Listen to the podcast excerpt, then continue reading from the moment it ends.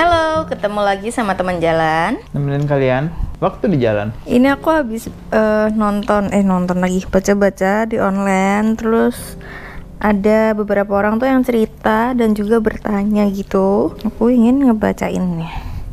Aku takut suamiku dan aku sliding ke arah yang berbeda of the fence. Jadi ini tuh ada fence sitter gitu.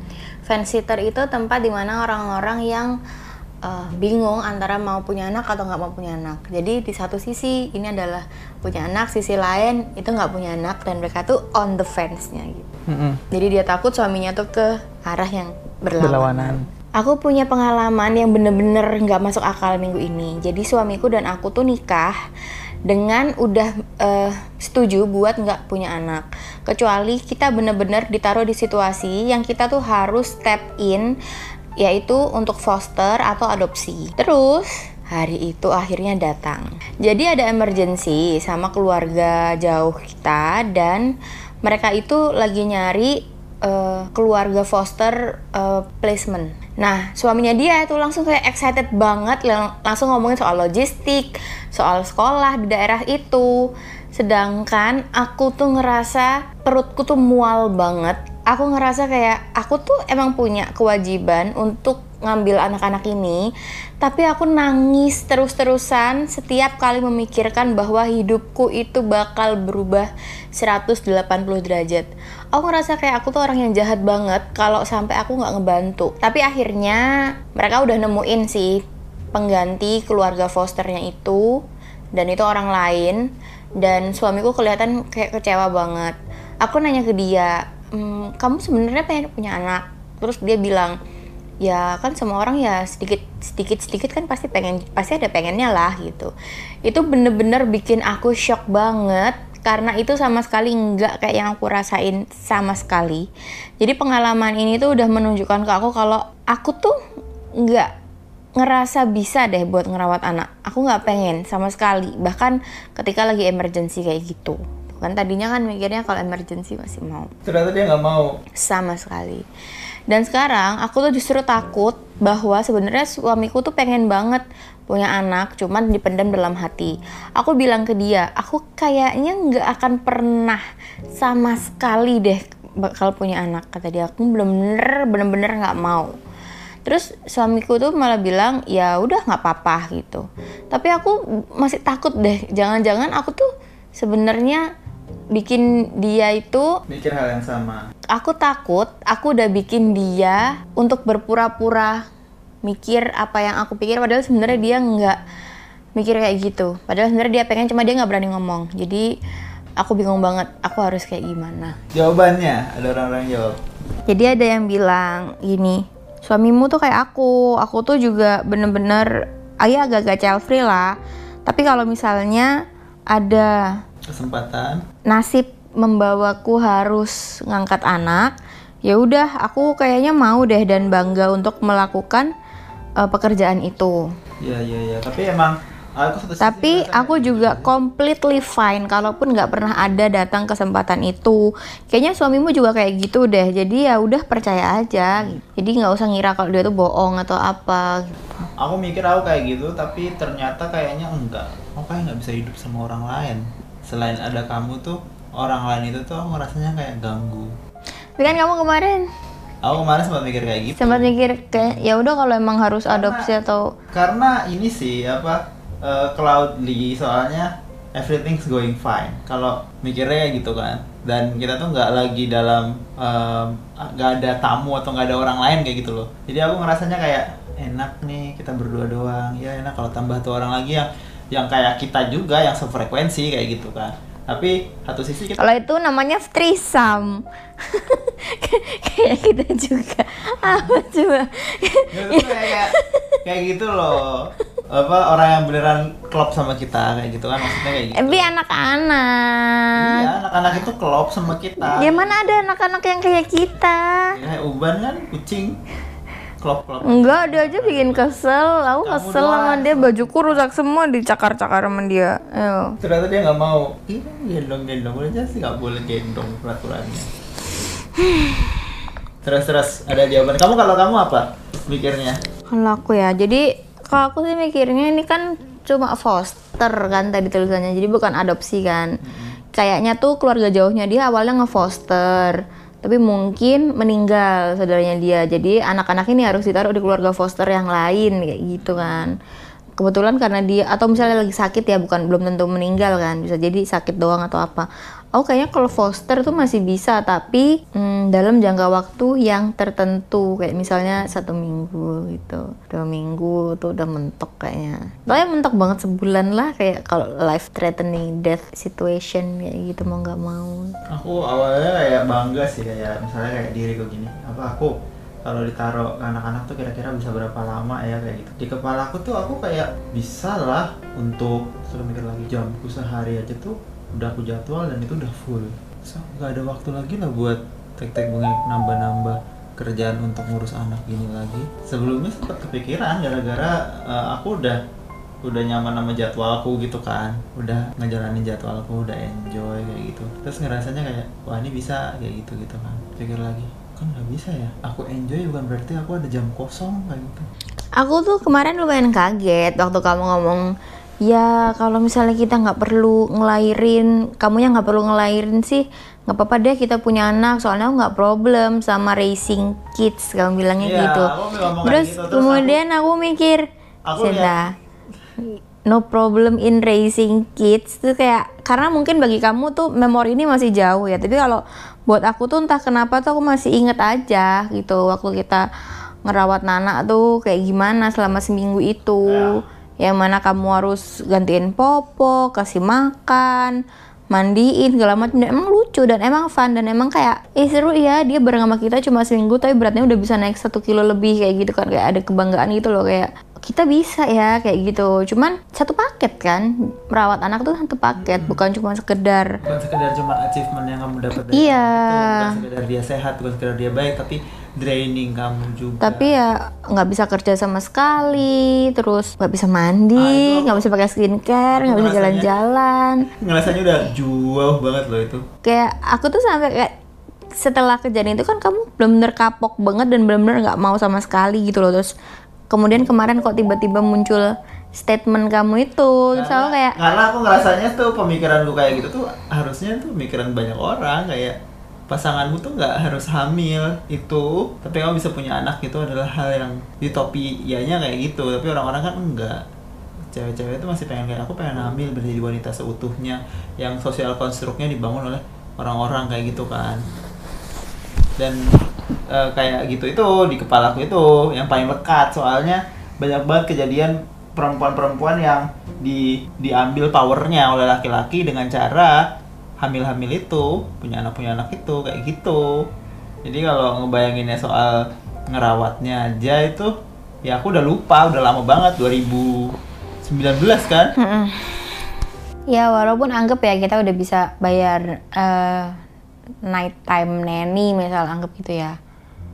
Tapi tetap aja kan tanggung jawabnya juga full time selama 20 tahun. Kayak jangan cuma bandingin yang kita lakukan selama satu minggu dua minggu doang kemarin itu tapi kamu harus mau konsisten kayak gitu selama 20 tahun itu loh. Dan kebanyakan orang kalau udah punya anak biasanya nggak mungkin cuma satu biasanya sih. Biasanya pasti ada lagi ada lagi ada. Jadi itu adalah kereta yang tidak akan pernah berhenti. Jadi once you get on you'll never get off. Karena biasanya orang kalau punya anak anaknya udah umur 2 atau 3 tahun atau 5, atau 6 atau 7 tahun ntar ada anak kedua lagi. Terus ntar udah lagi lagi ada anak ketiga lagi dan itu bakalan terus gitu jadi kamu bakal loop looping in something yang kamu nggak akan get off. Apalagi kalau kita sekarang ini umur 30, kita mau punya anak, dia masuk kuliah itu ketika kita umur 50. Which means kita nggak bisa ngelakuin apa pun yang kita inginkan secara ini ya financial wise ya karena kan harus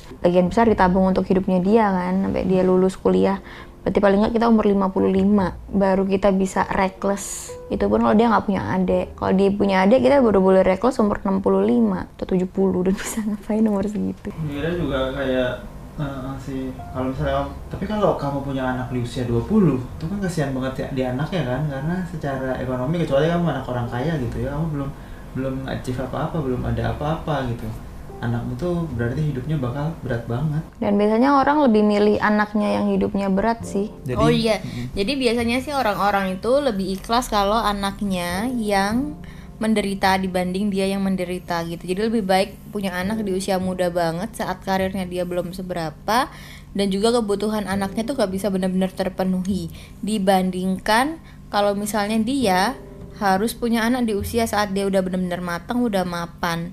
Karena itu akan berarti kan menyulitkan dia kan. Karena makin tua kita punya anak makin berat kan aslinya bagi kitanya. Karena kita kan makin jauh dari kebebasan kan. Hmm. ya gitu sih. Menurutku kayak nunda punya anak tuh kayak bagus banget sih penting kayak gitu loh. Tapi satu sisi kayak orang yang nunda punya anak itu berarti nunda ke depannya nanti eh, nunda bebasnya dia juga kayak. Kalau nunda punya anak berarti kan eh, bebasnya nanti kan makin tua kan umur 50 umur berapa kayak gitu. Tapi kalau kamu nggak nunda punya anak kamu tuh nggak siap basicnya untuk anak itu bisa mendapatkan kehidupan yang layak kayak gitu loh. Dan menurutku sih eh, lebih baik kalau ka- kalau misalnya di antara dua pilihan ngorbanin anak karena kamu punya di usia kamu masih muda atau pilihan kedua kamu ngorbanin dirimu karena kamu punya anak di usia tua kalau kamu orang baik sih kamu milih yang kedua. Tapi kalau kamu orang jahat kamu ya ngorbanin anakmu aja. Yang penting kamunya nanti di usia tua. Apa eh, nggak terlalu jauh umurnya sama anaknya kayak gitu gitu kan alasannya. Tapi kalau kayak gini juga pasti bakal banyak sih yang ngomong ya kan kita bisa aja punya anak di usia muda tapi tetap bisa juga memenuhi kebutuhannya dia kayak gitu. Iya, tapi eh masih muda itu kan jarang ada masih muda yang kaya kan. Mayoritas masih muda itu ya masih dalam meniti karir.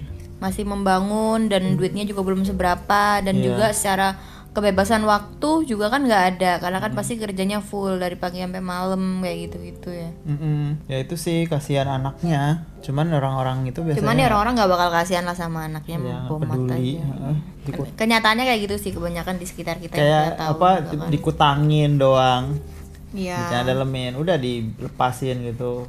Kayak tuyul keliaran. Safiro jahat banget ya kita kalau kayak gini. Aku rasanya sih jahat sih, cuman em, jahatnya kita cuma di mulut doang, ngejek-ngejekin doang. tapi secara fakta kan kita sama sekali tidak membahayakan hidup Iya. nyawa siapa pun gitu kan. Kita nggak dengan sengaja punya bayi terus kita literally membahayakan hidup dia kan enggak. Justru malah banyak orang-orang yang membahayakan nyawa anak dengan sengaja terus nggak ngerasa sam- salah sama sekali gitu loh justru malah Hmm. menilai orang-orang kayak kita ini yang salah kayak gitu padahal dengan kita nggak punya anak kan harusnya kita nggak bisa salah nggak sih Iya nggak bisa harusnya, bener. kayak nggak ada masa depan sebuah nyawa yang nyangkut di kita gitu loh yang menggantungkan diri ke kita kan nggak ada Dan aku bingung juga kenapa orang-orang benci sama orang-orang child free itu yang aku bingung. Kenapa gitu loh? Padahal orang-orang child free kan cuman ya nggak pengen punya anak ya doang. minding their own business Iya, aja heeh. gitu loh Kenapa ya? Aku sih iya nggak itu masih agak nggak logis nggak logis ya. Kayak bingung aku kalau ada orang-orang bilang kayak, "Tapi kalau semua orang child free gimana?" Ke- gak mungkin lah orang satu orang ngomong aja udah langsung kayak di shut up ya Iya. gitu kan orang aku aja ngomong soal pendapatku pribadi aku nggak mau punya anak gitu teman-temanku temanku langsung ada yang komen "Eh, kalian tuh kaum child free suka koar-koar kayak gitu gitu anjir kayak kaum child free apa anjir? Kalian ini kaum yang child child apa itu namanya ya? Child jail, kan free lawannya jail di penjara. kalian yang punya anak itu setiap hari itu ngepost foto anak, ngepost ini anak, ngepost soal promil, ngepost soal uh, anak tuh bakal ngasih rezeki lah. Atau gue ngepost segala macam agenda yang berhubungan untuk punya anak. Tapi aku nggak pernah sekalipun loh untuk nge-komen gitu. Eh kalian ini kaum beranak, kalian suka banget sih koar-koar biar orang-orang pada mau punya anak juga. Nggak pernah loh kayak gitu. Tapi kenapa ketika aku mengungkapkan pilihan pribadiku doang tuh dianggapnya Koar-koar. kaum child free koar-koar gitu apa sih apa yang mengganggu kamu gitu loh aku nggak bermaksud mengutik-ngutik mengolok-ngalik hidupmu sama sekali ada orang-orang gitu. yang bilang kan kayak harusnya enak dong kalau generasi ini banyak yang child free nanti anakku saingan sekolahnya nggak banyak misalnya kayak gitu Hmm. gitu kan harusnya kayak gitu aku kalau kayak gitu tuh paham oh iya lucu-lucu bagus kayak gitu Hmm. kan ya aku sama sekali nggak ngerasa terganggu dianggap nggak jadi saingan anaknya dia kayak gitu karena nggak peduli sama sekali gitu kan terus juga nggak paham aku kenapa orang-orang itu yang eh, nggak punya apa yang punya anak itu kayak bener-bener benci gitu. Iya benci dan kayak keganggu banget gitu. Sampai akhirnya ada juga yang eh, update status. Intinya tuh kayak hmm, jangan gara-gara kita ini punya anak terus kita itu di ditunjuk-tunjuk apa kayak gimana diolok-olokin ya. Kita itu hanya menjalankan sunnah hanya menjalankan perintah agama gini gini gini gini.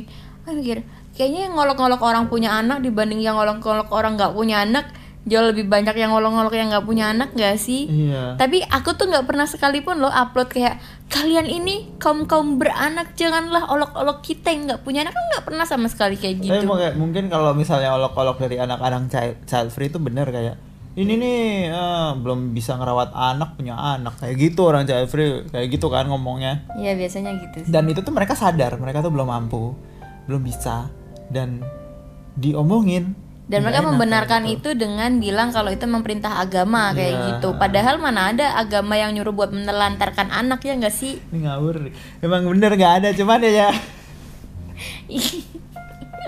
ngawur banget sumpah Tapi orang-orang tuh suka gitu berlindung dengan jubah gitu loh di balik di balik kayak gitu-gitu ngerti nggak sih? Iya, paham, paham. Dia tuh sendiri pun nggak mampu tapi memaksakan dengan dalih agama nyuruh kayak gini kok kayak gitu loh. Padahal mah enggak. Agama ya nyuruh untuk beranak pinak kayak gitu kan. Tapi juga menyuruh untuk merawat anaknya dengan baik. Terus juga memenuhi kebutuhannya gitu. Nggak nggak ditelantarin aja kayak tuyul jalan-jalan cari makan sendiri ya nggak sih? Kan ada ada rezekinya masing-masing. Ah, sedih dah. Tapi emang apa kayak eh, aku tapi gimana ya kalau misalnya ejekan dari orang-orang ke orang child free itu apa sih? Uh egois dasar, uh kayak gini, uh kayak gitu, kayak gitu kan. Kalau ejekannya orang child free ke orang punya anak tuh emang agak-agak nyelekit sih menurutku. Kayak ya kayak ini ya punya anak dijadiin tuyul anak jalan-jalan yang tuyul jalan-jalan kayak kalau belum mampu tuh makanya jangan punya anak dulu kayak gitu misalnya. ya itu kan secara nggak lain kan mengatakan dia miskin kan Hmm, terus kayak butuh uang segini segini segini segini. Kita nggak usah ngejek deh kita nggak usah tulis ejekan gitu. Tapi kita nulis kayak eh, butuh runtutan biaya. Runtutan biayanya berapa untuk bisa punya anak misalnya kayak gitu kan. Anak tuh ngabisin segini sekian m misalnya. Terus ada orang bilang aku eh, punya anak tiga gajiku cuma 1,2 bisa bisa aja tuh misalnya kayak gitu kan. Terus ada yang bilang bisa bisa kelaparan. Kayak gitu kan. Itu kan jahat. Aku kayak eh, kayak Joska nge-share soal atau Joska yang udah itu yang kacret itu kan? Ya itu dia nge-share soal sekolah mahal. Big Alpha juga nge-share sekolah mahal kayak gitu. Itu orang-orang yang punya anak tuh ngerasa sakit hati kayak gitu. Kayak jadi aku nih orang nggak boleh punya anak kayak gitu. In a way sama kayak ada orang gaji 7 juta cicilan mobil itu 3 juta harusnya kan nggak boleh punya mobil kan? Jadi cuma gara-gara nggak punya uang terus aku nggak boleh gitu punya mobil. Nah, seolah-olah kayak gitu heeh. kan. Ya nggak boleh kan? Iya kan? Cuma bedanya kan kalau mobil nggak ada dalihnya dalam agama kan. Tapi kalau misalnya anak kan ada jadi kayak dia Tapi bisa ya- bisa nukil sebuah Tapi- hayat gitu tapi loh. ya kalau misalnya ada orang dibilangin jadi aku gara-gara nggak punya uang nggak punya mobil nggak boleh punya mobil. Iya. Terus dia ya bodoh amat tetap dilakuin gitu kan kalau dia pengen. Tapi kan dia nggak mau dianggap bodoh amat dia tuh pengennya dianggap kayak aku tuh beli mobil gara-gara ini perintah agama karena dalam agamaku setiap orang harus punya mobil kayak gitu loh tapi ini gak ada hubungannya kan tahu aku Nggak kan anak kan kayak gitu ceritanya Iya. kan. Hmm, benar, Jadi benar, kayak benar, mereka benar, pada benar. ngomong nggak peduli miskin, nggak peduli kaya kan agama tuh memerintahkan untuk beranak pinak. Gitu Tapi loh. balik lagi ke ini deh ke si orang yang tadi yang suaminya tuh ternyata eh, kalau misalnya dapat kesempatan foster dia mau banget berarti kan dia nggak ada nggak ada keterdesakan untuk punya anak biologis kan Iya. Jadi dia kayak pengen punya anak secara foster aja nggak apa-apa kayak Iya. gitu. Sedangkan ceweknya tuh ternyata yang dia pikirin dulu dia kalau ngerawat foster itu mau, ternyata dia nggak mau sama sekali. Bahkan foster pun dia nggak mau. Iya. Itu menurutmu ya apa? Berarti kan dua-duanya satu bohong, satu enggak. Si cowoknya nggak bohong kan dalam ngomong kayak kalau misalnya kepepet dia mau. Ja- ceweknya justru yang bohong ya. Ceweknya Tapi ceweknya juga bohong. ceweknya nggak bohong sih sebenarnya. Mungkin di awal dia mikirnya Nggak tahu. gitu. Kan kayak- kayak Tapi ketika orang- ketiban beneran baru sadar oh ternyata bener-bener nggak orang mau ya. Gitu. orang tuh jujur, bukan orang tuh bohong ya. Orang tuh jujur. Cuman kadang-kadang dia nggak sadar kondisi dirinya tuh Uh-uh, under kayak gimana. under different circumstances ternyata enggak kayak ada cowok yang bilang aku tuh sama kamu tuh apa cinta mati. Cinta mati misalnya kayak gitu kan. Eh ternyata bulan depannya udah nyari cewek baru. Apakah berarti cinta matinya tuh bohong? Kan belum tentu juga. Bisa jadi emang bulan lalu dia cinta mati tapi seiring berjalannya waktu cintanya pudar gitu. Iya, kalau aku ya sih- kalau menurut aku tetap dipercaya aja kalau cowoknya bilang Aku harusnya it's nggak- okay kok walaupun nggak punya anak. kalau ya." kalau ngelihat kalau kamu cinta nggak sama cowoknya? Kalau misalnya cinta ya jalanin aja hidup itu kan kalau misalnya satu saat itu ada kesempatan kayak gitu yang menurutku sangat sangat kecil kemungkinan tiba-tiba ada orang nawarin anak buat di foster atau apa kayak gitu itu kan kecil banget kan kemungkinannya orang dia ditawarin terus tiba-tiba ternyata nggak jadi kan ya tinggal tinggal apa tinggal pisah pada saatnya kayak gitu kan Ya cuma kan karena dia cinta banget sama suaminya, dia tuh takut kalau ternyata dia, Dia ini itu yang yang ngebikin menghambat- kebahagiaannya menghambat kebahagiaan suaminya. suaminya. gitu sih. Itu aja yang dia takutkan. Tapi kalau menurut aku ya sejauh suaminya ngomongnya ah ya udah percaya, Percaya aja, aja. ah nggak usah pakai menduga-duga kayak gitu karena itu Iya, bakal jadi capek. karena itu nanti bakal jadi runyam lagi gitu. Jadi yes, percaya aja kamu cinta jalanin. jalanin Kalau ternyata nanti waktunya datang harus foster ternyata kamu tetap nggak mau ya udah kamu nggak usah mau kalau tapi suamimu kecewa dengan hal itu ya kalian baru omongin lagi nanti oke think that's all for today Bye-bye. bye bye.